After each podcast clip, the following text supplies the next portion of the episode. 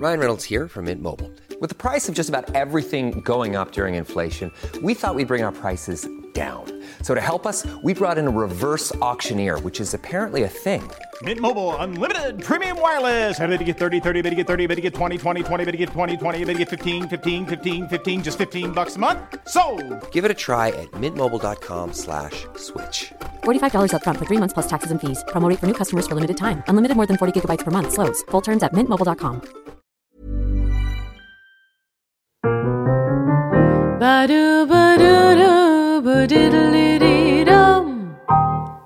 Burleskpodden är en sexpositiv podcast i samarbete med Passion of Sweden som säljer sexleksaker och underkläder på nätet. Passion of Sweden kan sexleksaker och Burleskpodden älskar deras produkter. Ni hittar dem på passionofsweden.se. Kära lyssnare, kollegor, älskare och vänner. Välkomna till Burleskpodden. Jag heter Aurora Brännström. Vi sitter på Custom Music Productions. Vi har Andreas Hedberg som står för ljud och redigering. Innan jag presenterar dagens gäst så tänkte jag säga till er som följer oss att ni får hemskt gärna komma med kommentarer, tankar, åsikter, starta debatt, inget hat, men eh, konstruktiva kommentarer, synpunkter, önskemål och det kan ni göra genom våra sociala medier, kanaler där, Instagram eller Facebook. Jag är, eh, försöker vara duktig på att svara på allting. Det får ni jättegärna göra. Jag vill gärna ha lite respons på det vi erbjuder här. Så hemskt mycket tack för det. Värdefullt för oss. Till alla er som är artister som ännu inte har kommit hit. Som jag kanske har glömt bort att höra av mig till. Eller som ni tycker så här, jag borde vara med. Hör av er till mig så bokar vi in tid för inspelning.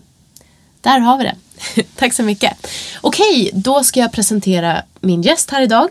Och det är en fantastisk person som heter Maria Hansson och som är dansare. Känd för burleskvärlden men även utanför burleskvärlden. Välkommen hit. Tack så mycket. Vill du fortsätta min presentation? Vill du berätta lite om, om dig själv? Jag har ju benen i två världar. Mm. Så dels i burleskvärlden och dels i magdansvärlden Just det. har jag. Mm. Eh, Jag har ju dansat magdansen 1983 Ja. när jag började med det. Turnerade land och rike runt. Mm. Jag brukar säga att jag har dansat magdans ifrån Trondheim i Norge i norr till Sydney i söder i Ja. Australien. Ja. Så att, eh, ja, jag har rest mycket och uppträtt mycket och sådär. Eh, ja, och sen med burleskeriet så började jag väl eh, 2011. Ja. Började jag med det. Just det. Du, du har ju, har jag rätt nu när jag säger att du har utvecklat en del av dansscenen mot burlesk som du kallar för burlesk fusion? Mm, precis. Just precis. det. Ja. Det är ju väldigt spännande. ja, men det är det. Det, Ja. är det, det, är det tycker jag. Ja. Ehm, det var ju då 2011 som jag gick på en workshop för en fantastisk kvinna som heter Dud Mormand, en eh, danska. Mm. Och ehm, då hade hon en, en, en burlesk fusion workshop som hon kallade det för. Med Ja. fjäderboor och handskar och hattar och Mm. allt. Och det var helt fantastiskt roligt. Ehm, och sen var vi några stycken som kände att det här är ju, vi vill ju verkligen fortsätta med det här. Mm. Ehm, så då var vi en grupp från början, ett gäng brudar. Sen hade jag en annan dansbakgrund Mm. än vad de andra hade. Så att jag kände att mm, jag, vill, jag vill göra någonting annat. Jag Mm. vill att min burlesk fusion ska se annorlunda ut. Ja. Och då började jag träna eh, själv. Jag började träna latin ballroom bland annat. Alltså så här Let's Dance-dans. Ja, ja, ja. Ja. Och ehm, så Broadway jazz och, Mm. och sånt. Och då i den vävan började jag också se mer aktivt på den svenska burleskscenen. Mm. Och upptäckte hur fantastisk den är. Ja. Ska man säga. Ehm, så att jag har ju mycket kontakt med, med Lady Francesca och Fröken Frauke och, Mm. och andra då inom burleskvärlden. Mest Lady Francesca. Mm, okej. Vi träffas mycket och pratar mycket och Ja. sådär. Så att det, ja, det är spännande. Så att, min stora inspiration är ju, vad ska man säga, 30, 40, 50-talens showgirls. Eh, ja, med en liten twist. Ja, ja men det, det förstår jag. Jag har ju sett dig dansa ett antal gånger. Och det, ja men precis, jag förstår vad du menar liksom. Att du inspireras av det. Mm. Jag gillar det här mer, ja, lite mer dansmässigt med raka linjer och jag är ju helt eh, hakad på linjer i kroppen. Att det ska vara rakt och hur det ser ut och hur man vrider sig och hur man står. Och, och, sådär. och så kostymerna är ju fantastiska också. Just det, ja. ja. Jag älskar ju alla volanger och rosetter och fjädrar och allt. Det är helt otroligt. Ja. Jag träffade ju dig första gången på tid, alltså gamla Melt kan man säga. På deras första adress. Som ju var en väldigt liten lokal. Där vi stod på bardisken. och dansade. Eh, och där såg jag dig för första gången. Väldigt vackert. Tycker jag. Du hade någon stor fjäderboa som var röd har jag för mig. Ja, det var lila, blå och svart. Ja ah, okej men då kanske det var den lila. Men jag, jag har bara ett, ett minne av att det var väldigt mycket färg. Ja, ja, det var, ja men det är det. Ja. det, är det ja. Och så här, ja, sensuellt liksom. Mm. Hur tänker du kring, kring det? Eh, för det har ju både liksom magdansen och egentligen alla danser du håller på med gemensamt med det här. Att det är sensualism och sexualitet på något sätt. Det är det. Ehm, Jag tycker att det är väldigt ehm, spännande att se jämföra burleskvärlden och magdansvärlden. Jag tycker det är jättespännande. För, för just som du säger, båda är ju sexualiserade i allmänhetens ögon. Ehm, det finns, I båda dansstilarna finns det en kärntrupp av artister som, som ser det som, som den konstform det är. Båda dansarna är konstform. Och de ser någonting annat än bara kroppen. Ja. Att, de, ja, att, att vi kämpar på att det här är konst och det, vi gör det för vår egen skull och, och det är feministiskt och, och det är bra. Och nu menar jag inte ironiskt, jag menar verkligen det. Ja, Att jag tycker ja. att det är, både, både stilarna är väldigt fascinerande på så sätt. Men sen så har vi den här allmänheten, den här breda allmänheten som vi ska underhålla. Som ser det på ett helt annat sätt Just det. än vad vi gör Ja. de ser inte, de bryr sig inte så mycket om det här med, med feminism och, och um, eh, kvinnlig frigörelse och konst. Just det. Ja. Utan de ser ju mer rajtan tajtan och glädje och häftiga kostymer och naket. Mm. Så jag tycker det är väldigt intressant att, att, att jämföra.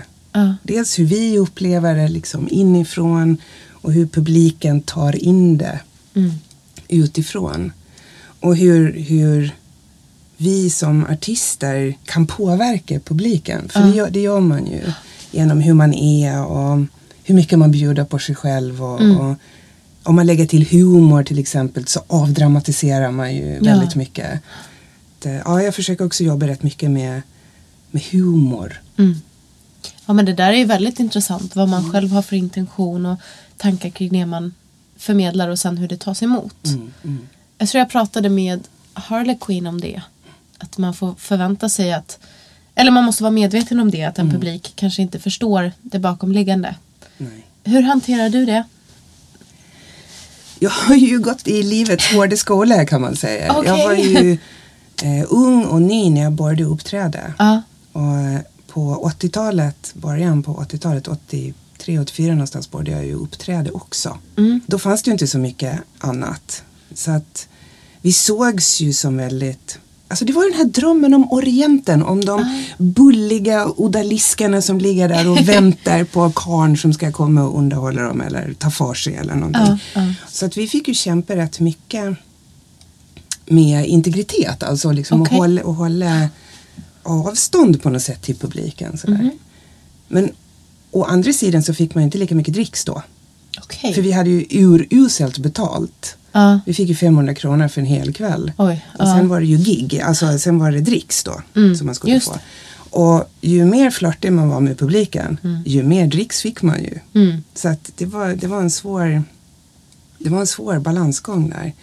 Men, eh, ja, men till, vart- till slut så, så lär man sig att hantera det där på något sätt. Att man, som artist så lär man sig hur långt man kan gå, hur långt man kan bjuda på sig själv. Men här är det stopp. Mm. Just och när det. jag går av scen, då är jag någon annan. Då är jag privat. Mm. Då, Just det, ja men precis. Gud vad, ja, bra vinkel där med integriteten. Ja, och, och fortfarande ha publiken med sig liksom. men det är ju då det är så bra att ha en, en scenpersona. Ja, Att, man, att man har en, en figur som man Mm. sätter på sig. Just det. För det tänkte jag tidigt med, med magdansen också. Att just det att det skulle vara så skönt. Tänk om jag hade en latexmask. Med färdig makeup och hår och allting så helt klart. Så kan jag dölja mig bakom den här masken. Ja, På något sätt. Nu blir det ju sminket istället då, Ja. då. Att man sätter på sig scensminket och allt det där. Och så döljer man sig lite bakom det. Och så går man av scen och så tar man bort sminket och så är man privat. Så ja. Är du en... Man kan kanske prata om integritet men det här skyddet man kanske har. Tycker du att du har ett, ett em, starkare skydd som artist eller, eller är du tuffare som Maria privat? Mot folk liksom. Hur hanterar du... För jag tänker å an- ena sidan skulle det kunna vara att man som artist är, är mer bestämd och, och säger nej och sätter gränser liksom för vad man ska ta emot. Men att, att den privata har svårare att hantera det. Eller så kan det vara tvärtom. Att så här, artistpersonen är mer öppen och liksom kan hantera publik som kommer in nära på ett sätt som en privat Maria inte skulle tolerera. Jag vet inte. Mm, ja men så är, så är det nog. Ja. Och vilken sida av myntet befinner du dig på där? Ehm, jag är nog mer... ehm, jag har nog en högre integritet tror jag som privat. Okej, ja. Det tror jag. Att jag bjuder mer på mig själv. Eller på min scenpersonlighet. Alltså det är ju jag egentligen. Mm. Men ändå. um, bjuder nog mer på mig som, som artist. Det gör jag. Mm. För jag vill ju samtidigt underhålla. Det, är ju det, det är ju, har ju alltid varit min stora dröm. Det är ju att underhålla människor. Och um, har man en alltför stark integritet i den här underhållningsbranschen som vi båda är i. Ja, ja. då, då blir man inte, då får man inga repeat gig liksom. Nej. Då kan man få ett gig och sen bara, men hon var ju jättetråkig. Ja. Så där, henne tar vi inte igen. Utan man måste ju, måste ju bjuda på sig. Och sen just det här när jag insåg att, att det är humorn är min grej. Att, att man kan vara sexig på ett humoristiskt sätt. Att man kan liksom bjuda på sig på ett humoristiskt sätt. Och det är okej Ja. då släppte väldigt mycket. För i, i magdansen är det ju, var det i alla fall tidigare så att eh, man får inte ta på sig själv till exempel. Nej, okej. Och man får inte göra det och man får inte, och det ska vara si och det ska vara så. Eller skulle i alla fall. Mm. Ehm, så det var ju så jätteskönt när jag började jobba som varietéartist också. För då släppte ju den, alla de här magdansreglerna eller vad man ska kalla det för. Så då fick jag ju vara lite mer galen där. Det visste inte jag att det var så. Jo, jo. Ja. Ja, men det, det är ju, vi kämpade ju med det här med att det skulle vara en konstform. Mm, mm. Och att vi ville ju inte vara de här odaliskarna som låg och väntade på männen. Att Nej. de skulle ta för sig. Utan vi ville ju att det skulle vara att det skulle, att det skulle vara konst. Det skulle ses som konst. Mm. Och det gjorde ju inte. Nu börjar det ju ses som, som konst och som Ja. vackert och fint. Och även allmänheten, publiken kan uppskatta Mm. vacker magdans. Nu har ju magdansen i sig ändrats ganska mycket också. Så att det, ja, Men hur hittade du fram till magdansen från första början? Oj! Eh, det var eh, ja, när, jag, när jag träffade en, en, eh, en fantastisk kvinna här, när jag hade flyttat upp till Stockholm precis. Okej. Ja. Ehm, och hon höll på. Så hon... Och alltså I början när man lär känna en ny människa då vill man göra allt som bästisen gör. Så är det ju. ja.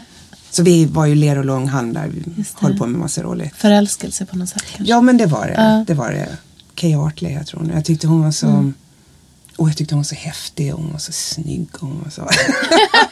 så det var en typ av, av förälskelse. Och sen kunde hon ju dansa. Liksom. Mm. Så vi stod i min brors lilla lägenhet på Östermalm där och så lärde hon mig de första rörelserna. Liksom. Okej. Och sen började jag träna för Rosita Auer för det var i stort sett den enda läraren som fanns då. Eh, Och jag tyckte musiken var hemsk och jag tyckte, ja, fast dansen var rolig. Vad roligt! Musiken var hemsk. ja men det var kassettband, skrälliga kassettband från Turkiet, dåligt Ah. inspelat och det, nej, på sådana här små bandspelare Ah. liksom. Nej, det var, jo, det var inte alls så roligt. Men, eh, men sen så, så började jag upptäcka mer hur stor magdansen är. Och Mm. eh, egentligen det som, som är magdans är ju bara en pytteliten del. Ja. Så jag har ju gått vidare in på folkdans. Jag dansar ju folkdansare från hela Nordafrika och Mm. hela arabvärlden och ända bort till Sidenvägen bort, alltså Uzbekistan och Tadzjikistan och sånt där. Mm. Så det, det är ju min styrka liksom inom Mm. då magdansen idag. Då. Ja, Att det är ju folkdansarna som jag dansar mycket. just det. Eh, Men hur som helst, sen- jag fortsatte jag i alla fall där efter Kay och Rosita. Och redan där så tänker jag att du hade ju en liten, kanske omedveten fot in i burleskvärlden. Som, som Frauke pratade om i vårt första program så, så om man tittar tillbaka till på var burlesk kommer ifrån på 1800-talet så tittar ju burlesken mycket på magdansen. Tar mycket influenser från den liksom, ja men om man ska prata så här sexualiserade typ av dans och mycket rörelse, kroppskontroll. Så jag tänker att du har ju säkert väldigt mycket med dig redan från scratch. Mm, ja, ja, men det har jag ju. Det har jag ju. De här bumping hips Ja, som är så, Just det. de klassiska bumping hips Ja. som finns i burlesken. De kommer ju från en, en eh, algerisk kvinna Mm.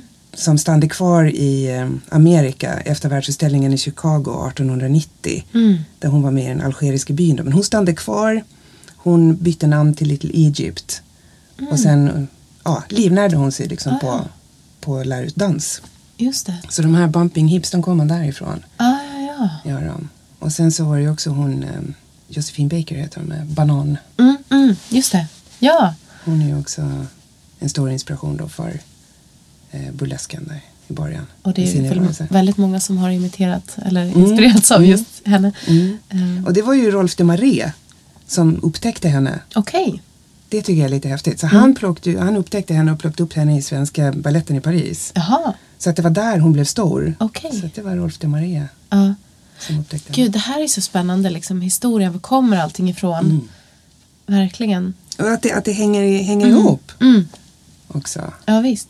Jo men så är det ju. Det, det, det är ju mycket liksom och, och både klassiska och neo burlesk artister idag använder ju mycket av de här rörelserna. Man kan ju se det om man börjar titta liksom. Som du säger. De där hipsen och liksom bump and grind. Ja, precis. precis har ju ja. mycket av det här belly dance Ja. eh, rörelserna i sig. Men det är det väl också för att det är, det är ju sensuella rörelser. Man rör på Mm. torson och det är mjukt och det är kontrollerat och det är mycket muskler. Och, Ja. Alltså det är ju, kroppar i rörelse är ju väldigt vackert. Mm, Oftast. absolut. Kanske man ska lägga till. Ja. ja absolut, det finns ju många Så, nu, konstformer. tänker, ja. ja. nu tänker jag mer på dans då, alltså Ja, dans och burlesk och så dans. Att Mm. Kroppar i rörelse är ju väldigt vackert och det är ju, talar ju till oss Ja. rakt in i själen på något sätt. Att man behöver inte förklara så mycket när man ser, Nej. När man ser en, en artist som är bra, en dansare som Mm. är bra. Då är det ju någonting som, som talar till själen. Det är, det är något uråldrigt. Liksom. Ja. Mm. Ja men visst. Och du pratade om den här drömmen om Orienten. Mm. Vad, vad menar du då? Eh, ja, alltså orientalismen på 1800-talet var ju jättestor. Mm. Eh, Selma Lagerlöf till exempel då åkte ju ner till, till Egypten med sin, Ja. Eh, man ska väl inte kalla henne för flickvän, men det var väl det. Ja. Siri där. Ja. Mm. Så, nej, det, det, var, det var jättestort, verkligen. Um, att Orienten stod för allt det här mystiska, det um, annorlunda, det mer passionerade. Och, och det lever ju fortfarande kvar Mm. i, i västvärlden. Då. Och sen så är det ju många i Orienten, i arabvärlden då, som, som har plockat upp västvärldens idéer om Orienten och så blir det ju ett, ett mischmasch. Så, så kostymerna i magdans till exempel, den här tvådelade dräkten, det kommer från Hollywood. Jaha, är Från det början, så? ja, Oj, ja. ja. Så då, det var ju. Hollywood då som skapade den här drömmen om Orienten Ja, där. Och sen såg, ehm, ja det var en fantastisk libanesisk kvinna som heter Badia Masabni som hade massa kabaréer i Kairo och sådär. Mm, Så hon såg de här filmerna. Hon hade varit i Paris också på Folie Bergère och det här och sett Mm. de kabaréerna där. Och så, ja, ur hennes kreativitet och hennes entreprenöranda så kom eh, magdansen som den ser ut, ja, inte riktigt som den ser ut idag, men som formen av magdans som vi tänker på det idag. Ja. Och tvådelade drakten kommer därifrån. Så där är det ju liksom Orienten gav inspiration till väst som gav inspiration till Orienten tillbaks igen då. Ah, till Arabien. gud vad spännande. Så det hänger ihop. Apropå det här så skulle jag vilja gå in på ett så här lite svårt ämne. Mm. Det här med kulturell appropriering. Ja, ja. Skitjobbigt. Mm, ja men det, det är svårt och viktigt. Det är Viktigt, väldigt ja. viktigt och eh, nu tycker jag att debatten samhällsmässigt har ju den har ju försvunnit. Men ett tag så var den ju verkligen Mm. på tapeten och man pratade så mycket om vad som var rätt och fel att göra. Mm. Och, och det här ordet kulturell appropriering kom upp Mm. ideligen. Och där tänker jag att du måste ju på något sätt, i och med, att, i och med det, du, det du gör Mm. och, och det ditt community står för, att ni måste ha fått lov att tänka ganska mycket kring just det. Jo. Jo. Ryan Reynolds here from Mint Mobile. With the price of just about everything going up during inflation, we thought we'd bring our prices down. So to help us, we brought in a reverse auctioneer, which is apparently a thing. Mint Mobile unlimited premium wireless. Ready to get 30, 30, bit to get 30, bit to get 20, 20, 20, bit to get 20, 20, bit to get 15, 15, 15, 15 just 15 bucks a month. So, Give it a try at mintmobile.com slash switch. $45 upfront for three months plus taxes and fees. Promo rate for new customers for limited time. Unlimited more than 40 gigabytes per month. Slows. Full terms at mintmobile.com. Det har vi väl gjort. Eller hur ser du på den, den saken för egen del? Liksom? Alltså jag, jag tycker, om, om vi säger så här, att jag, jag förstår det med hjärnan. Jag förstår de som känner sig utnyttjade, de som känner sig ehm, liksom våldtagna av någon annan som kommer och greppar tag i deras kultur och hackar upp den och maler ut och gör en korv av något annat än vad det var tänkt från början. Nu tänker jag mycket på indianer och deras fjäder Just det. bonader och sånt där. I vår värld så har vi också ehm, många som vill ha tatueringar i ansiktet. Att de målar ju med, Ja. med kajal och så här, målar typ tatueringar i ansiktet. Och i många eh, nordafrikanska länder så betyder tatueringarna saker och ting. Så ja, vissa tatueringar kan betyda hur många barn man har och, och så vidare. Just det. Och om man då inte har med det i bagaget, att man inte vet vad, vad det betyder och så. Men eh, med hjärtat och som dansare så har jag lite svårare att, att förstå det. För dans är ju någonting levande, tycker jag. Dans ska ju utvecklas. Det ska ju inte, när dans blir statiskt, då blir det ju tråkigt. ja. Så, så som dansare och själv och att jag som magdansare kan man säga så, så tycker jag att det blir fel att ta bort alla influenser utifrån som kommer från oss i väst. Bara för att det kommer från oss i väst. Eh, se till det som görs istället och bedöm huruvida man gör det med, med kunskap och vetskap och, och hjärta. Än om man bara gör det för bara för att göra det utan tanke. För det finns, det finns ju en del som, som, som dansar men de vet inte varför de dansar så. Utan de, de har bara lärt sig en koreografi och de har sett att ja, men den här eh, egyptiska dansösen hon eh, slog eh, handloven i pannan eller någonting. Men hon vet inte varför hon slog handloven i pannan. Alltså det, det är väl det jag tycker att man måste man, man måste använda sig av, av de här influenserna med respekt. Att man ska läsa på. Man, man, Det finns ju hur mycket information idag som helst. Ja. Det är så lätt att ta reda på vad man håller på med, tycker jag. Ja, jag visste det det. så, att, så att på så sätt, så att, ja, det, för mig är det väldigt, väldigt skilt. Alltså det, med, med hjärnan så kan jag absolut, absolut förstå det. Men med hjärtat så känner jag att det blir det har gått in absurdum på något sätt. Det, har, det har blivit för mycket. I så fall så ska ju inte en, en som inte är född i västvärlden få dansa ballett. Eller, alltså, men sen har ju balletten influenser från sitt håll. Och så. Alltså, Ja. Jag vet inte, det blir, det blir konstigt. Men så länge man gör det med kunskap och vetskap och, och respekt alltså, så, så tycker jag att det, det Nej, blir larvigt. Ja, nej, men varför jag frågar är också för att jag själv har tänkt väldigt mycket på det här. Och jag, jag engagerade mig ganska mycket i den deb- debatten eller på det sättet att jag läste och, och pratade och diskuterade mycket. Liksom. För jag är ju själv lite i skottlinjen med mina influenser från Hollywood. Vad vet jag om Hollywood kan man ju tänka sig. Varför sjunger jag den typ av jazz jag sjunger? Och vad betyder de texterna för mig? Så här, ingenting kan man ju tycka. Men som du säger det här att vara medveten. Plus att jag tror det här är en personlig åsikt. Men, men jag tror att en konstform faktiskt kan dö. Om den inte får utvecklas. Absolut. Det är som det här med, med den här absurda diskussionen kring svensk musik, svensk folkmusik. det finns ingen svensk folkmusik. För att folkmusiker, om man är det, och det vet jag för min mamma, hennes tonårstid var sån. Så jag har hört mycket om det, att man åkte på spelmansstämmor, man träffade folk från hela världen. Och utbytte olika musikaliska erfarenheter och kunskaper.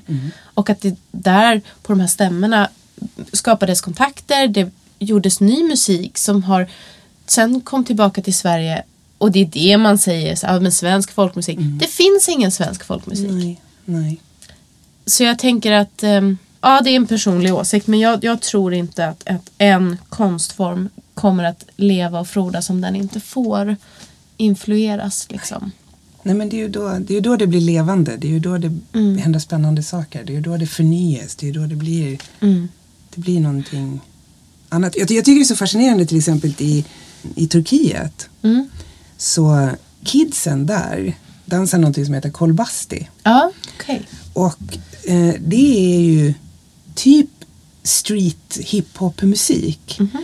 Men de använder sina turkiska folkdanssteg som de har gjort om lite. Okej. Och det har de så här battles med i, i Turkiet. Alltså det, är- det är så otroligt skönt. Ja. Så, och där ser man ju vad som händer när, Ah. när det blandas helt naturligt. Just. Och det är ju ingen som har pratat om att de kulturellt approprierar Nej. eh, streetmusik utan här händer någonting, Mm. någonting eget. Ja, för jag funderar också på den debatten, liksom vad, för den är ju inte allmängiltig Nej. över hela världen. Utan Nej. Den har pågått här i västvärlden och det är liksom...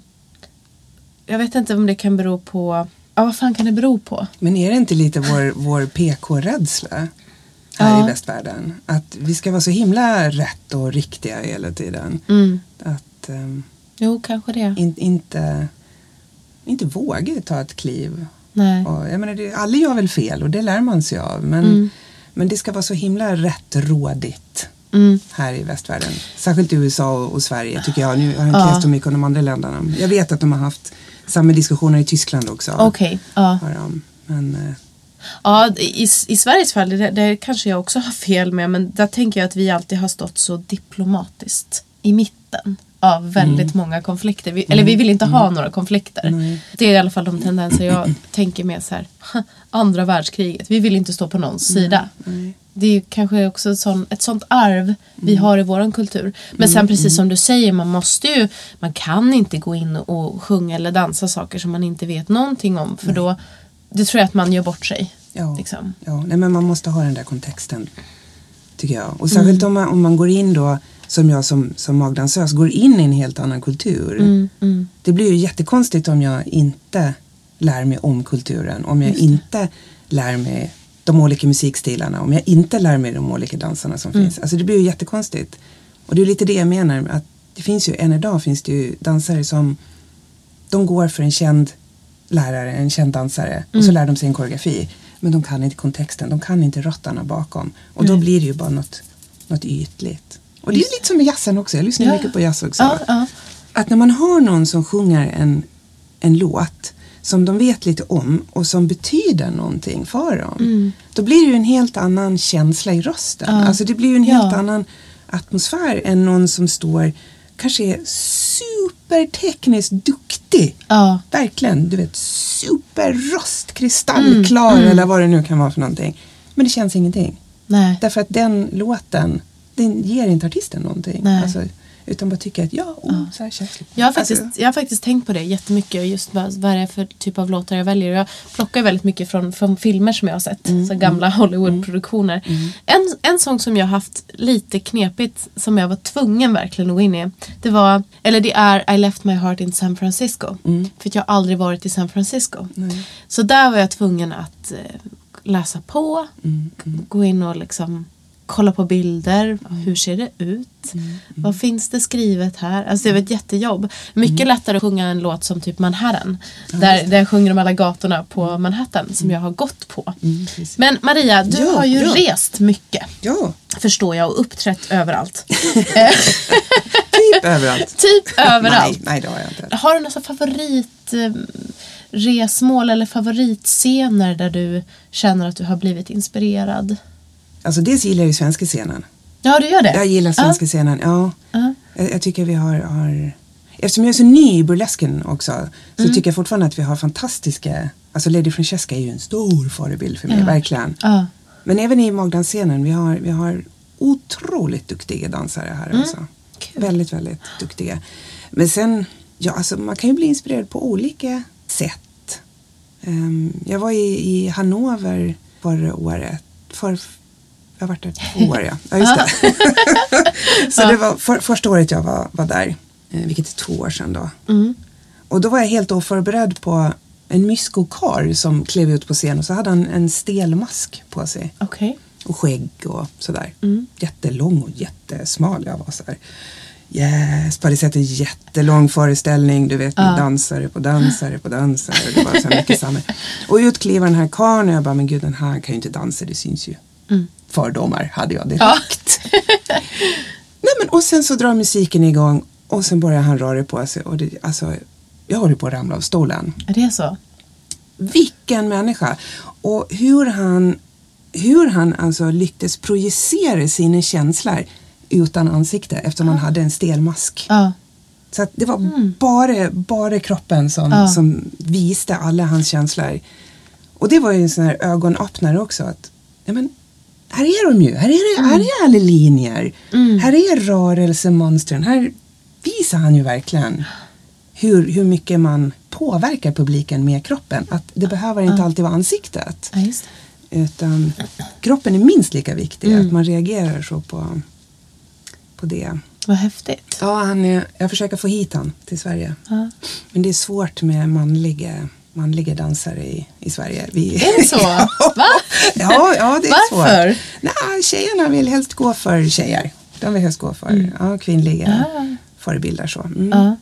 Det är lite, lite knepigt. Men, men det, det är en, en festival som jag tycker väldigt mycket om. Jag skulle ha åkt i år också men kom Mm. lite annat emellan. Men det är ja, en härlig... Men, men för att Mm. få en bild av, av din eh, otroliga rutin eller karriär. Vad, vilka länder har du uppträtt i? Oh, um, Eller om du kan ta ett fåtal exempel. ja, Norge har jag ju sagt då. Mm. Och sen varit i Finland och sen har jag ju varit i Danmark. Eh, dansat för eh, drottning Margrethe. Oj, wow. Ehm, och sen så eh, fick jag med alla skandinaviska länder där. Ja, Island har jag inte varit på dansa. Men. Ehm, och sen så har jag varit i, i Tyskland. Jag har dansat i Österrike och jag har varit nere i, ja det är väl de där då kanske. Och sen har jag varit nere i Australien och så har jag uppträtt där nere. Då. Men jag har sagt var mycket i, mycket i Tyskland har jag. Mm. Ehm, mm. Jag har faktiskt inte uppträtt i något arabland någon gång. Nej, Det har jag inte gjort. vill du göra det? Nej. Nej. nej men, det, nej, men det, det är ju ingen sån där... På, på 80 och 90-talet då, då var det en, en, en dröm sådär att få åka ner till, till Kairo och få Ja. uppträda i Kairo. Vi har, vi eh, har haft två svenska dansöser som har jobbat professionellt nere i Kairo. Och när de kom med alla sina historier och berättade och höll workshops så, man var ju helt wow, jättehäftigt. men, men sen när jag har blivit äldre och mognare själv i min dans så inser jag att eh, det som händer där nu med dansen Mm. det är inte vad jag är intresserad av. Okej. Så att, nja, det, nej. Just magdansgenren i, i arabvärlden är jag inte så intresserad av. Nej. Och de som um, undervisar mest på, på festivaler i Egypten, det är ju västerlänningar. Mhm. Så det är inte så mycket egyptier eller från andra arabländer som uppträder. Och, eller uppträder gör det, men de undervisar inte Nej. där. Okej. Så att, ehm, jag vet inte. De reser ju de också. Mm. Så jag ska åka till, till England. Ja, där har jag också varit uppträtt. Det. ja. Ehm, jag ska åka till England här i oktober och ehm, gå en kurs i marockansk folkdans till exempel. Mhm. Och det är ju en, en fantastisk människa som egentligen bor i Marocko men sen så Ah, kommer hon ju till ah. England och så undervisar hon där. Då är det ju lättare att ta mig dit till. Yorkshire och så gå på, på klass där istället. Mm. Jag har faktiskt ingen längtan överhuvudtaget i arabvärlden. Så. Ja, spännande. Däremot skulle jag vilja se mer av burleskscenen, inte arabvärlden kanske. Jag vet inte om Nej. det finns någon. Nej, jag vet inte heller. Jag satt och funderade på det. Ja, nej, jag Ja. vet faktiskt inte om det finns någon. Ehm, Mm. men, men jag skulle uppleva mer i, i England och sen också i USA. För vad jag Mm. förstår så är det väldigt stor skillnad på om man säger svensk och, och brittisk burlesk Ja. och amerikansk burlesk är tydligen väldigt- Jag har ju Mm. sett väldigt mycket amerikansk burlesk och det, jag älskar ju det. Jag tycker att det har likheter med, med i alla fall scenen i Stockholm. Mm, Faktiskt. okej, ja, Och Fraukes klubbar tycker jag att jag Ja. ser mycket. Plus att det har väldigt mycket mera neoburlesk influenser Ja, som är typ det. så här hiphop. Tung musik på ett annat sätt så Mm, att man går ifrån det här klassiska. Vilket är väldigt kul i mix med det, den här glittriga. Ja just det, precis. Ja. precis. Ja, jag är ju lite mer för den klassiska glittriga Ja, då. Jag gillar ja. Med humor med en twist där. Så. Mm. Just det. Kan vi vända oss lite mer åt, åt din eh, burlesk eh, av ditt artisteri? Absolut. För jag vet att du också har en danstrupp. Mm. Ja det har jag. Och vad är det de heter nu? Limelights. Limelights. Limelights, Precis. Och ni har ju också uppträtt på Nalen Mm. till exempel. Eh, vill du berätta lite om Limelights? Det var när jag började att undervisa i burlesk fusion så kände jag en sån stark kreativitet att jag ville göra mer än bara de här koreografierna jag kunde göra Ja. på, på klassarna. Så att då pratade jag med några brudar som, ja, jag, på dansskolan där jag jobbade på. Mm. Och ehm, ja, de hoppade på. Mm. De flesta hoppade på där. Och sen tillsammans så, jag är mer som, som eh, creative director på något sätt. Jag är, Ah, ah. Det är ju inte ofta jag dansar i gruppen Ah, utan okej. jag Mm. coachar ju dem mer och gör alla koreografier och liksom bestämmer kostymer. Och, Mm. det är ju fantastiskt att få se sina egna idéer på scen. Det är helt otroligt. Ja, det kan jag förstå. Men sen dansgruppen är ju rätt knuten till dansskolan också. Så att Mm. det är ju ingen professionell grupp så. Eh, även om vi har gig och sådär. Men ja, folk kommer och går lite i gruppen. Det är lite olika. Mm. Så förra eh, halvåret här, förra terminen så eh, ja, då böts nästan alla ut i gruppen. Ja, Okej. ja, så att Ja. det, ehm, ja, men det blir så. Man, man vårdar dem, som är, de medlemmarna, man vårdar dem ett tag. Och Mm. Man får göra det bästa av det de har. Och, och så. Är det en professionell grupp, när, man, när de får, dansarna får betalt, då är det någonting helt annat. Mm. Ja. Utan här har man ju de här fantastiska människorna till låns ett tag. Mm, mm. Och sen skapar man någonting häftigt tillsammans. Just det. Även om det är min idé, men de, Ja. de jobbar mycket. Ja just det, men gud vad spännande. Och då tänker jag att i och med att de som byts ut blir det också så att eran, alltså stilen eller, eller det som utmärker gruppen också förändras eller? Nej, Nej, nej. eftersom det är jag som styr med Ja, bomullsklädd järnhand. okej. Så det, det, är ju, det är ju mina idéer ja, fullt ut. Alltså Ja, det det. Mm. Ja, Så att jag gör ju alla koreografier och jag ställer upp dem hur de ska stå och alla Ja, formationer och bestämma kläder och musikval och allt, allt bestämmer jag liksom. Mm. Och de köper det. ja. Kommer glatt och tränar. Och Ja, ja vad roligt. det. Och, och vårt slagnummer är väl just nu i alla fall, det är ju Kankan, att vi dansar Kankan. Den Mm. Ja. som vi gjorde på Nalen Ja, också. just det. Ja, Så att vi har ju fått företag som har hört av sig och vi har uppträtt på företagsfester och allt möjligt med Kankan-numret. ja. då, Så att, ja vad roligt. ja, det är lite kul faktiskt. Ja. Det är. Mm. Kan-Kan tror jag faktiskt är liksom det första jag på något sätt har relaterat till burlesk Mm. som liten. Mm. Ehm, jag minns inte liksom vad det var för konstellation jag såg det men det är ju ett klassiskt Mm. nummer Mm. Ja, det som fortfarande går hem. Liksom. ja, men det är glatt och det är fartfyllt och det är tjo och kim och det är kjolar som viftar. Och, Ja, det, ja, och att man också förknippar det med Moulin Rouge tänker jag. Mm. kanske. Mm. Ja, det också. Absolut. Absolut. Och du som eh, burlesque fusion artist då, Mm. då kallar du dig för Miss Mabel. Miss Mabel. Ja. Mm. Var, vart uppträder du? Och vad Ehm, är din stil liksom? Miss Mabel är ju en, en eh, madam. En eh, avdankad Hollywood-artist på 40-talet. Ja. Och som dricker alldeles för mycket gin. Och tycker alldeles för mycket om att nypa unga pojkar i rumpan. Gör hon. Ja. Hon, hon, är, hon är jätterolig. Och det är kul att få göra det om vi knyter tillbaka, tillbaks till det vi pratade om förut. Att, som Miss Mabel är ju mer galen. Jag går alltså ut i publiken och nyper unga pojkar i rumpan. Du gör det? Det gör Ja. jag. För det gör Miss Mabel. Vad roligt! jag går med mitt ginglas. så här. Ja. Oj. Ehm, men hon, hon är jättehärlig. Jag har en, en, en lång historia om henne. Mm. Det, jag har en, hela hon, vem hon har varit gift med och nu är hon skild. Alltså jag, jag, Ja. Lång historia. Så hon är väldigt verklig för mig. Ja. Är hon. Ehm, och ehm, just nu så uppträder hon ja, på företagsfester, eh, på um, födelsedagsfester. Jag Mm. var i Eskilstuna här för inte så länge sedan. Och hon har varit nere i Hannover och uppträtt också. Mm. Den här festivalen har hon varit. Ja. ja, lite överallt. Och särskilt med ett, ett um, som är väldigt populärt. Det är väldigt mycket humor. Det, jag tycker att det är, det är inte så mycket dans tycker jag. Men Nej. folk uppskattar det så in i ballongen. Det, Ja. Jag knyter an till, till någonting. Ja. Och mycket damer då i övre medelåldern om man säger. de gillar Miss Mabel. Okej. Ja, för att hon, hon gör nog sånt som de kanske önskar att de kunde eller vågade. Ja. så, så gör hon det. Ja. Gud vad spännande.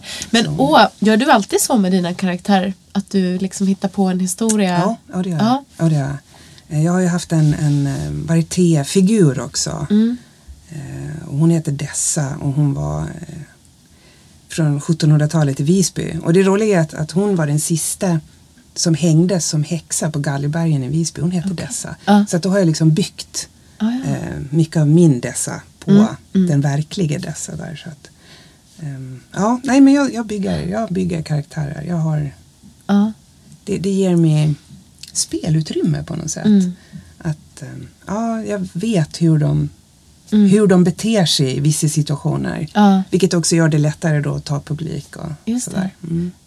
Jag tänker att det blir som att du tar, tar i hand både en regissörsroll, en manusförfattarroll och typ en skådespelarroll. Ja, som dansare. Ja. Som dansare. Ja. ja, ja. Fantastiskt. Ja, men det, men det, ja, det hjälper mig att hitta rätt rörelsemönster, det hjälper att, hi- att hitta rätt musik. Ja. Så att eh, nu håller jag på med ett, ett, ehm, ett nytt nummer för Miss Mabel då. Med en stor fjäderboa ska det bli. Ja. Lite så här klassiskt.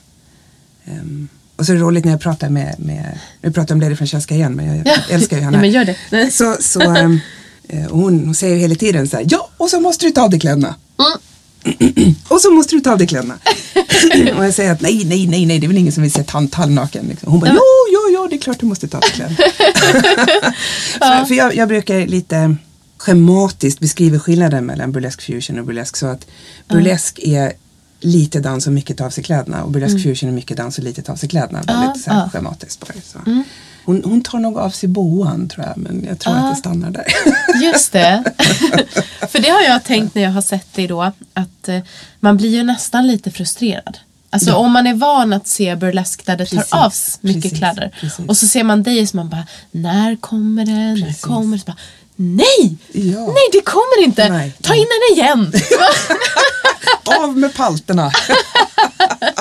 ja. Ja, men det är det, det är det som gör det så svårt också. För att Ja. ehm, i, i magdansvärlden när jag uppträder i magdansvärlden så kan det vara för sexigt. Okej. Det jag gör. Och i burleskvärlden så kan det vara för snällt. Så att jag är ju verkligen någonstans mitt emellan. Just det. Ja. Ja men gud, fan jag, jag glömde ju fråga dig om det. Alltså det här med eller magdansreglerna. Mm. Va, hur kommer sig det? Varför är det så mycket regler där? Liksom, kring hur man, vad man får och inte får göra? Det har ju med, med kulturen att göra. Okej, ja. Med, med den eh, islamska kulturen. ja. Ja, såklart. Mm. Mm. Så att ehm, Just det, och det är ju också en hel värld att ta sig in i. det Liksom. är det. Ja. Ja. Men det, ja, det, det har med det att göra. Att man, Ja. att man, är, man är ändå så, så um, sexig Mm. som, som kvinna. Jag menar i islam så står det ju att, att kvinnan är nine parts of desire och en part förstånd. Liksom. Att Mannen är ju tvärtom då. Ja, Ja. ja, just det. Så att, um, nej men det, det, därför är det mycket. Det, det har ju luckrats upp nu i Mm, och med återigen då västvärldens inflytande på magdansen. Där Just så det. har det luckrats upp väldigt mycket. Ja. Vad, vad är den klassiska magdanskostymen? För du sa att det var också det att där har västvärlden kommit in och och gjort den tvådelad. Och, Mm. Men det är den klassiska. Den är det? Ja, det är den klassiska Ja, ja, ja. magdansdräkten. Den tvådelade. Med kjol och så bälte och så Ja, just det. Mm. För att man ska ju, det är ju magen som ska synas kanske? Eller? Ja. ja, det blir ju en historielektion då. Ordet magdans, magdans myntades av en man. ja. Gjorde det. Ehm, det var första gången som det finns nedskrivet är ju i ehm, på slutet av 1800-talet under Napoleons fälttåg i Egypten. Och, och då var det, nu kommer jag inte ihåg vad han hette, men han, han skrev om sina upplevelser. Och så hade han hört talas om de här fantastiska dansarna då, som inte dansade någonting som liknar det som vi ser idag. Någonting, de dansade Jaha. någonting helt annat. Det var det att de rörde på torson. Ja. Och det gjorde man ju inte i, i västvärlden Nej. på 1800-talet. Det var Ja, ju korsetter och det var ju stelt och väldigt så. Så att han, han sökte upp eh, en sån här dansare, hon var väldigt känd, Kutchuk Hanem hette hon. Han såg henne dansa, han tvingade henne att ta av sig kläderna. Mm. För att, ja, det är en lång historia. Så att hon, hon tog av sig kläderna och så skrev han om det och sen så ingick allt det här i Drömmen om Orienten. Sen Mm. några år senare och då började soldaterna kalla dansen för dans de ventre också. Så att Mhm. okej. då blev ju ordet lite känt sådär. Sen så eh, tar vi ett litet kliv fram och då är vi då på det här 1890-talet. Och då, då, det hände ju lite innan, det var en världsutställning i Paris och lite sådär hände innan. Men då 1890 var det den här världsutställningen i Chicago och då var det en man som hette Sol Bloom som hade tagit den här algeriska byn som han visade upp. Och där fanns ju Little Egypt bland annat. Där, hon som stannade Just- kvar. Och ehm, han tyckte det kom Alltså de här, de här kvinnorna som uppträdde där, de, de var ju klädda från topp till tå i kläder. De hade ju stora klänningar och de hade ju brallor och det var skor och det var Ah, hattar och ah. det var algerisk folkdräkt typ. Mm. Så han tyckte att det kom inte tillräckligt mycket folk Mm. till sin paviljong så han tjänade inte tillräckligt mycket pengar. Nej. Så han rafsar sig i huvudet och tänker till och så säger han hmm, dans de ventre, belly dance. Bara ordet belly i ett namn, så belly dance. I det puritanistiska Amerika, det var Ja. stort. Ehm, och sen så, så förbjöd han kvinnor och barn att se föreställningen. Okej. Och då stod ju männen i milslånga köer och han tjänade, tjänade hur mycket pengar som helst. Och sen, sen den här tiden så, så har ordet hängt kvar. Mm. För egentligen använder man inte magen utan man använder höften och benen. Ja, ja, just det. Men det är ungefär som man ska kalla ballett för tåspetsdans och det Ja. blir ju också så här Ja, just det. knasigt. Så att, Ja, så, så, så är det. Så därför kallas det för magdans. Mm. Och magdansen är ju egentligen en, en, en av många danser. Magdansen skapades specifikt för scen av den här fantastiska kvinnan i Libanon då. Mm. Eller libanesiska kvinnan. Mm, Badia Masabini heter hon. Ja. Så, så att det, ja, det finns mycket. Men, men alltså magdans, jag vet inte. Det har ju blivit Mm. som homosexuell. Man tar tillbaks ordet homo Ja. eller man tar tillbaks Ja. ordet bög. Så Just vi det. tog tillbaks ordet magdans. Vi försökte med orientalisk dans och mellanösterndans och Ja. ja. massa, liksom. Men Just sen var det så, äh, vi tar tillbaks ordet magdans. Det är det som används i folkmun så vi Mm. använder det också. Men man använder inte magen så mycket. Nej, nej. För att komma tillbaka. Ja, men på något sätt så ordet gör ju att man ändå så fokuserar, eller så man tittar ju mycket på, på det, på magen, Ja. på torso som du säger och på, ja, sådär. Mm. Den tvådelade dräkten har man ju för att accentuera höften. Höftrörelsen. Ja, ja, man har tvådelad. Och ofta har man ju saker som plingar också, eller så här, det är Fransar fransar och, ja, som gör att höfterna faktiskt, det ser ut som att det ändå så här rör sig väldigt mycket där för att det det svingar och, Och har sig. och har sig. Ja, ja. Ja, men åh, vad spännande. Tack för lite historielektion. ja, Uppenbarligen behövde jag också det. Ja, men det är ju det. Vi är ju den här lilla klicken. Det är ju säkert alltså, med de burleskartister, inbitna burleskartister du har träffat också. Mm. Ja. De har ju jättemycket historia. De kan ju jättemycket om historia och bakgrund till burlesken och så. Och det kan ju inte gemene man runt omkring. Det är precis samma med magdansen. Ja. Mm. Jag tycker det är så otroligt fascinerande att det finns så många beröringspunkter mellan de här två Ja. artistgenrerna. Jag tycker om ni är intresserade, ni som lyssnar, på, av, av historia till det här. Lyssna på Fraukes program där hon pratar om burleskens historia och sen lyssna på det här programmet. För att då får man, jag tänker att det blir som en, det är ju samma historia fast från två vinklar. Jättespännande. Det- Har du någonting som du vill lägga till här? Nej men, nej, men jag, jag tycker väl att så länge man är, är trygg i sig själv, så länge man är, är glad i sig själv, så länge man är intresserad av något, så länge man vill, så länge man inte skadar någon annan, så spelar det ingen roll vad man gör. Oavsett om det är man vill stå på en burleskscen och ta av sig alla kläderna eller om man vill bli en firad magdansös eller om man vill lära sig uzbekisk dans eller vad det nu än kan vara. Så, så tycker jag att man ska göra det. Men, men att man, man gör det med, med vetskap, kunskap och glädje och lust. Alltså lusten är ju så stor i det här. Det är, Lust är ju så, det är en sån otrolig drivkraft. Absolut. Lusten. Så det är nog, ja det är väl go for it. Go for it. Bra. Om man vill se dig uppträda, hur gör man då? Vart kan man följa dig? Det är nog Facebooken är lättast, tror jag. Maria Hansson. Ja, Jag tror att det är just det. Jag har inte uppdaterat hemsidor och sånt där. Jag har haft Nej. så mycket. Men Facebook det är nog Ja. bra där. Och Burleskpodden hittar ni också på Facebook och på Instagram. Sen har vi vår hemsida jazzproduktion.se och där lägger jag ju upp information, bilder, nyheter som handlar om, om podden. Och så där kan man gå in och läsa mer om mina gäster här. Jag tackar dig så jättemycket Maria Ja, för att du kom hit. Superkul. Kul att få den här vinkeln på allting. Väldigt bra eh, ja, bidragande till, till debatten. Till er som uppträder och som ännu inte har kommit hit som gäster och som vill komma hit, hör gärna av er. Till alla er som lyssnar och följer oss, kommentera gärna, eh, ge oss respons. Tack så mycket och vi hörs igen om två veckor. Burleskpodden är en sexpositiv podcast i samarbete med Passion of Sweden som säljer sexleksaker och underkläder på nätet. Passion of Sweden kan sexleksaker och Burleskpodden älskar deras produkter. Ni hittar dem på passionofsweden.se. Spring, is that you? Warmer temps mean new Albert styles. Meet the new Superlight collection, the lightest ever shoes from Allbirds, now in fresh colors.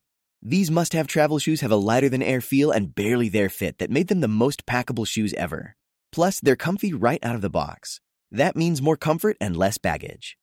Experience how Allbirds is redefining comfort. Visit allbirds.com and use code SUPER24 for a free pair of socks with a purchase of $48 or more. That's A L L B I R D S.com, code SUPER24.